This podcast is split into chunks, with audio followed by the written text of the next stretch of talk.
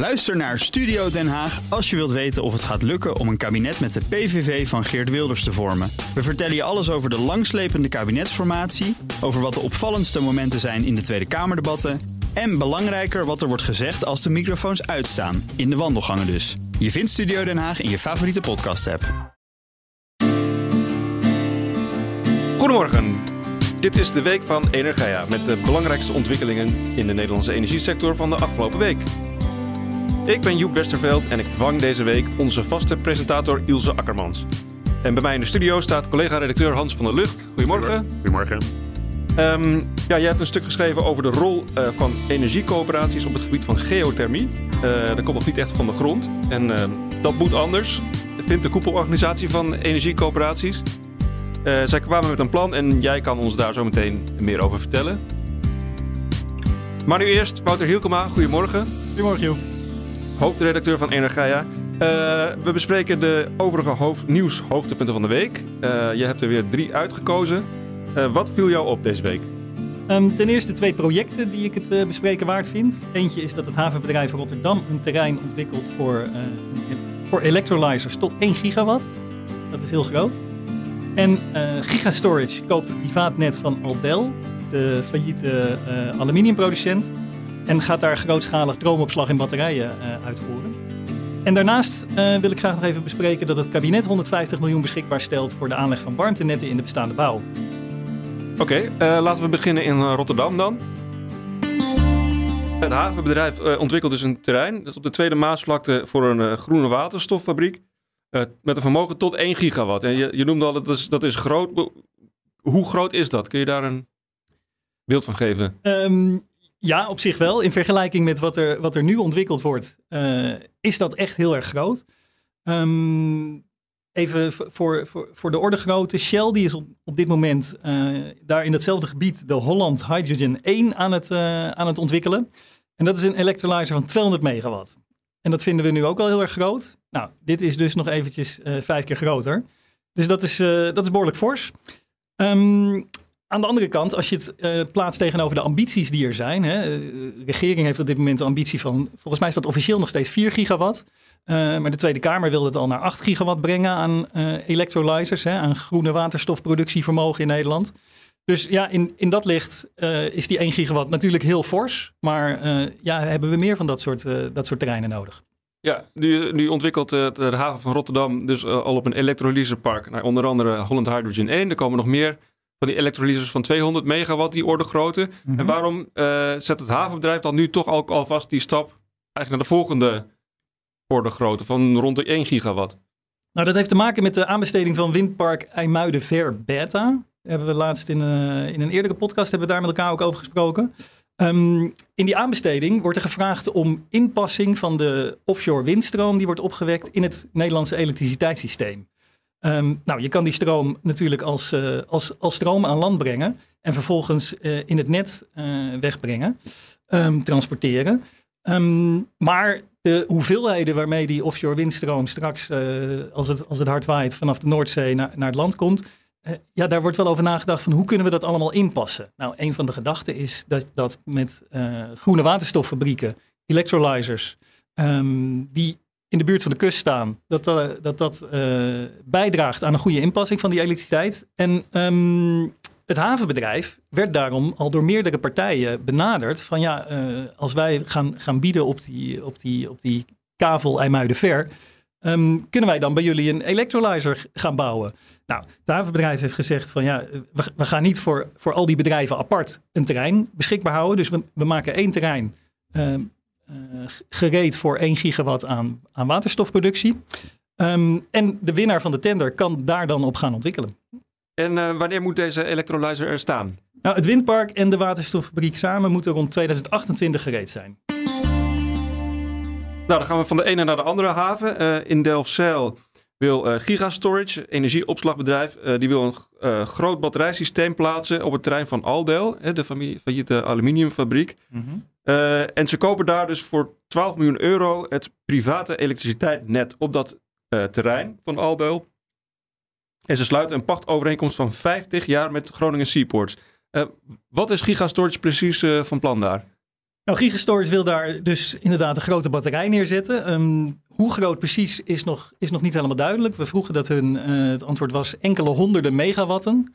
Um, nou, opnieuw, om dat eventjes in perspectief te plaatsen, dat is opnieuw is dat, is dat heel veel groter dan wat er nu ontwikkeld wordt. Het grootste batterijsysteem wat nu in Nederland ontwikkeld wordt, um, dat wordt door, door Essent, uh, of eigenlijk door Sempower, wordt dat ontwikkeld in Vlissingen. En dat is een batterij van 30 megawatt met een uh, uh, capaciteit van 68 megawattuur. Um, nou ja, dus in dat licht is, zijn, zijn honderden megawatten aan capaciteit met richting 1 gigawattuur aan, aan stroomcapaciteit is behoorlijk fors. En waren er nog meer uh, gegadigden voor dat elektriciteitsnet van Aldel? Ja, uh, de curator zei dat er uh, acht gegadigden waren daarvoor. En Gigastorage deed heel simpel deed het hoogste bod. je zei het al, 12 miljoen euro. Um, kijk, het overnemen van zo'n aansluiting, dat is, dat is op dit moment heel interessant. We hebben het wel vaker over congestieproblematiek gehad. Het is heel moeilijk voor bedrijven nu om, om aansluiting op het net te krijgen en voldoende transportcapaciteit beschikbaar te hebben. Dus op het moment dat er nou ja, een hele grote aansluiting, zoals van een aluminiumfabriek, als daar met een faillissement, als dat beschikbaar komt, is dat interessant genoeg voor zo'n bedrijf om daar uh, fors op te bieden. Ja, en um, wat betekent dit nou allemaal voor Aldel? Want die, die fabriek is al twee keer eerder failliet geweest. Uh, telkens weer een doorstart gekomen. Um, dat wordt nu wel lastiger, neem ik aan. Ja, ik zeg trouwens altijd Aldel. Ik weet niet of het Aldel of Aldel is, maar... dat weet um, ik ook niet. Die curator heeft een doorstart vrijwel uitgesloten. Um, ten eerste is er, is er gewoon geen plek meer. Hè.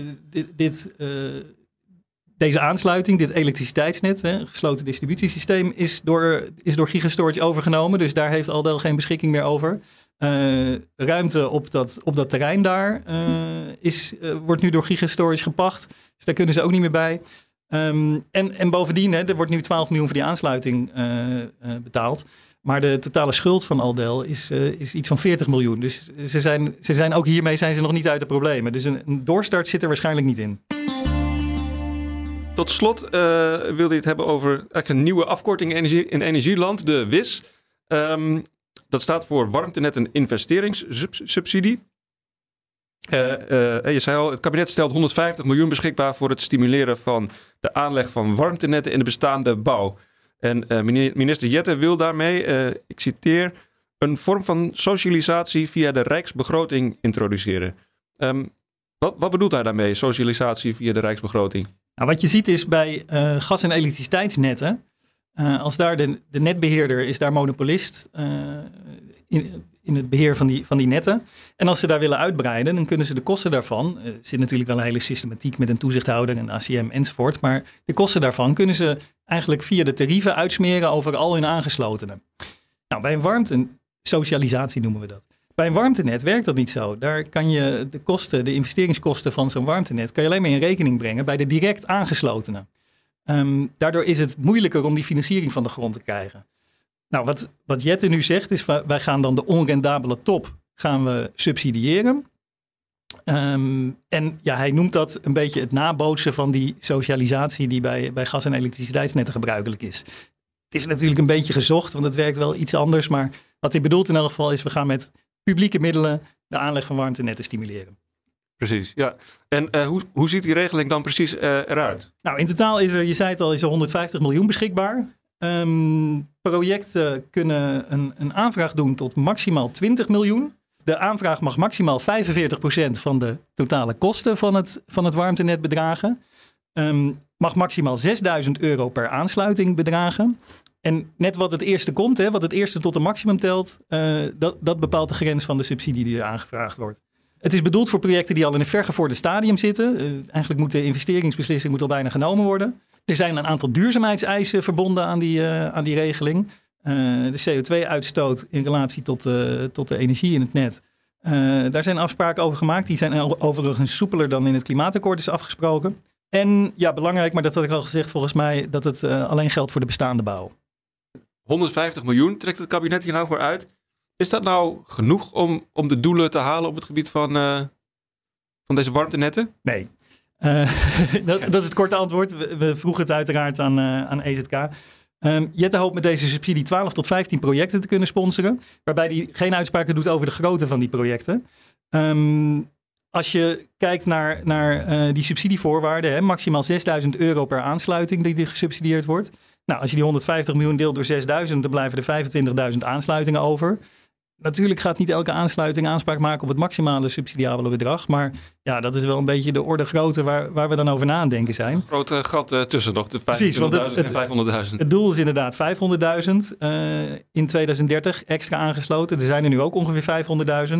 Wat Jette hoopt is dat deze uh, subsidie uh, private investeringen uit, uitlokt in de orde grootte van 400 tot 500 miljoen. Of dat ook lukt, is een beetje de vraag. We hebben het in deze podcast hebben we het uh, al vaker gehad over de warmtewet. Um, die veel onzekerheid heeft geïntroduceerd. Jette heeft besloten dat uiteindelijk alle warmtenetten in meerderheid in publieke handen moeten zijn.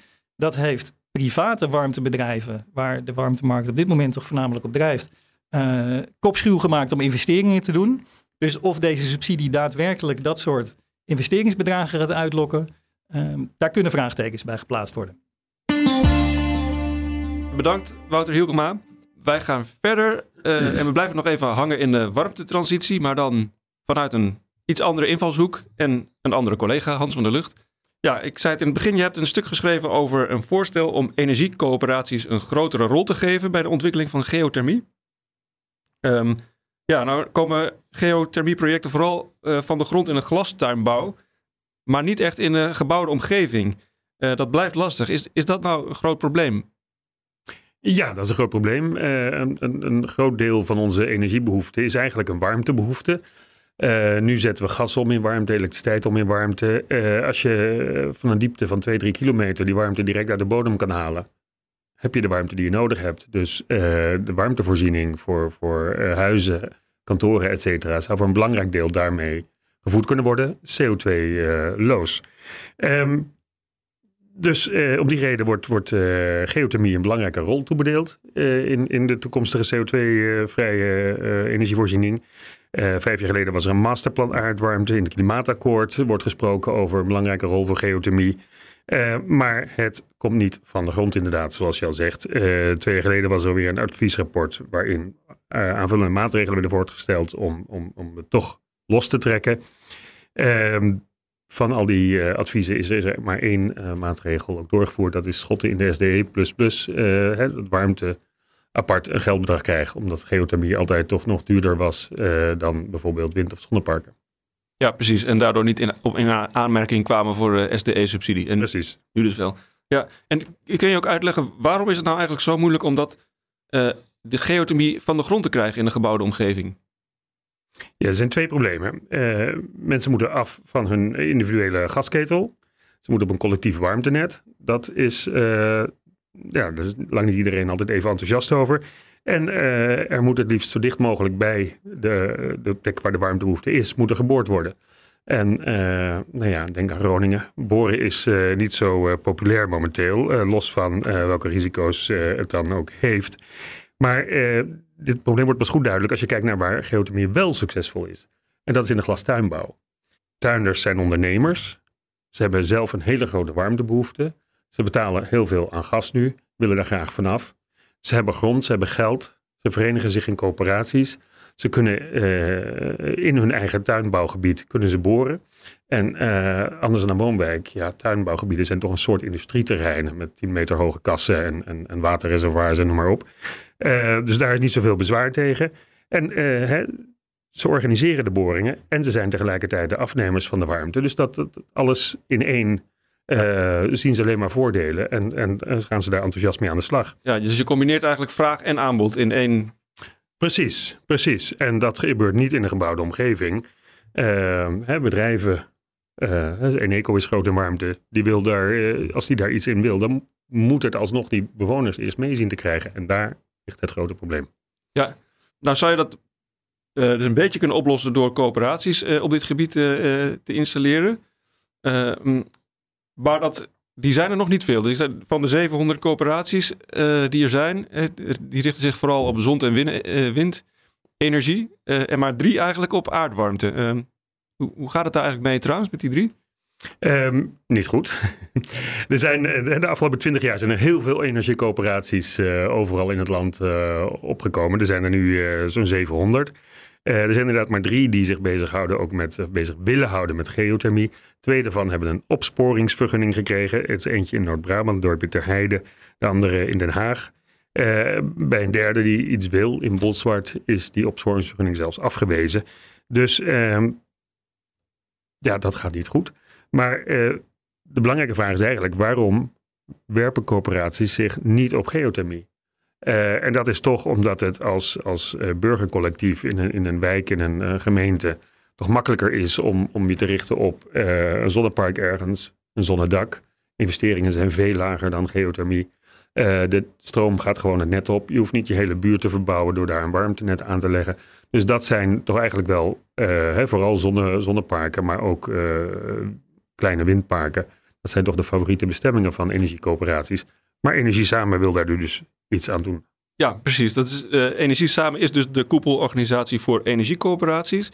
En die hebben een plan gepresenteerd en dat heet een nieuwe impuls voor geothermie, dubbele punt, versterkte samenwerking tussen publieke, private en maatschappelijke partijen. Uh, wat, stellen, wat stellen ze voor? Ja, Energie Samen wil dus dat dat uh, geschetste probleem, de afnemers, de, de, de wijkbewoners, zijn niet betrokken bij het geothermieproject. Dat probleem willen ze oplossen. Ze willen geen symbolische, ze, hebben het over symbolinspraak. Hè? Een gemeente of een bedrijf organiseert een inspraakavond, maar heeft eigenlijk de plannen al klaar. Mensen kunnen een zegje doen. Uh, er wordt geluisterd, er wordt welwillend geluisterd, maar er gebeurt niet veel mee. Uh, Energie Samen zegt, oh, dat is symbolinspraak, dat moeten we niet hebben. zij willen naar een coalitiemodel. Uh, waarbij dus uh, een initiatief voor geothermie wordt uh, opgezet door A, een publieke instantie, EBN, moet mee gaan doen aan alle geothermieprojecten. B, een, een gewoon een, een geothermiebedrijf, wat, wat kennis van zaken heeft. En C, een energiecoöperatie.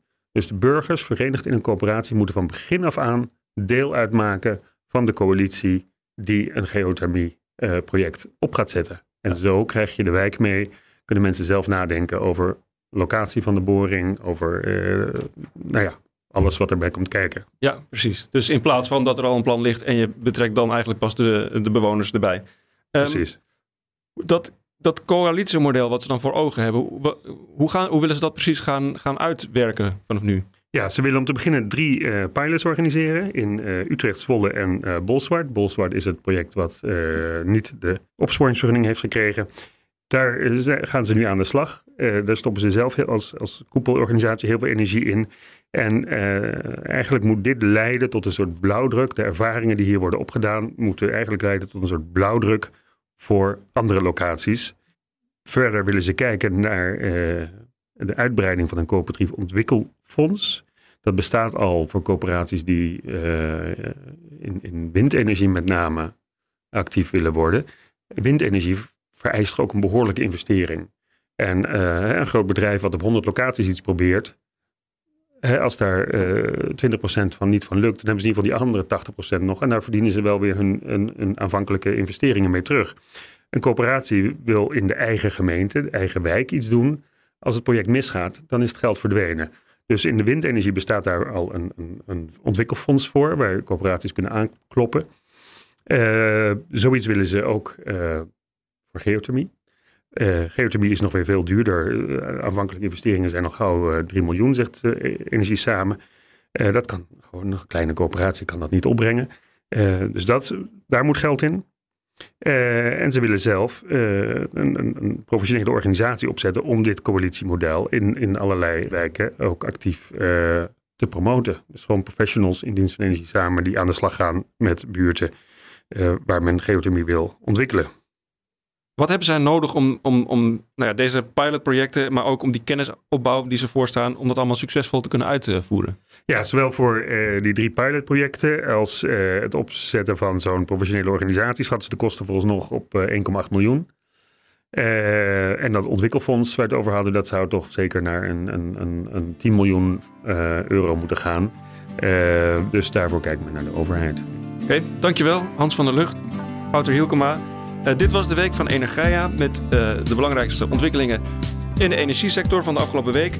We hebben nu een korte onderbreking in verband met Koningsdag en de meivakantie. En dan zijn we op 12 mei weer terug met de volgende podcast. Bekijk in de tussentijd vooral onze site energia.nl voor veel meer energienieuws. En heb je nog vragen of opmerkingen over onze podcast? Uh, we horen ze graag. Stuur ze naar podcast.energia.nl. Mijn naam is Joep Westerveld. Fijn dat je luisterde en tot in mei.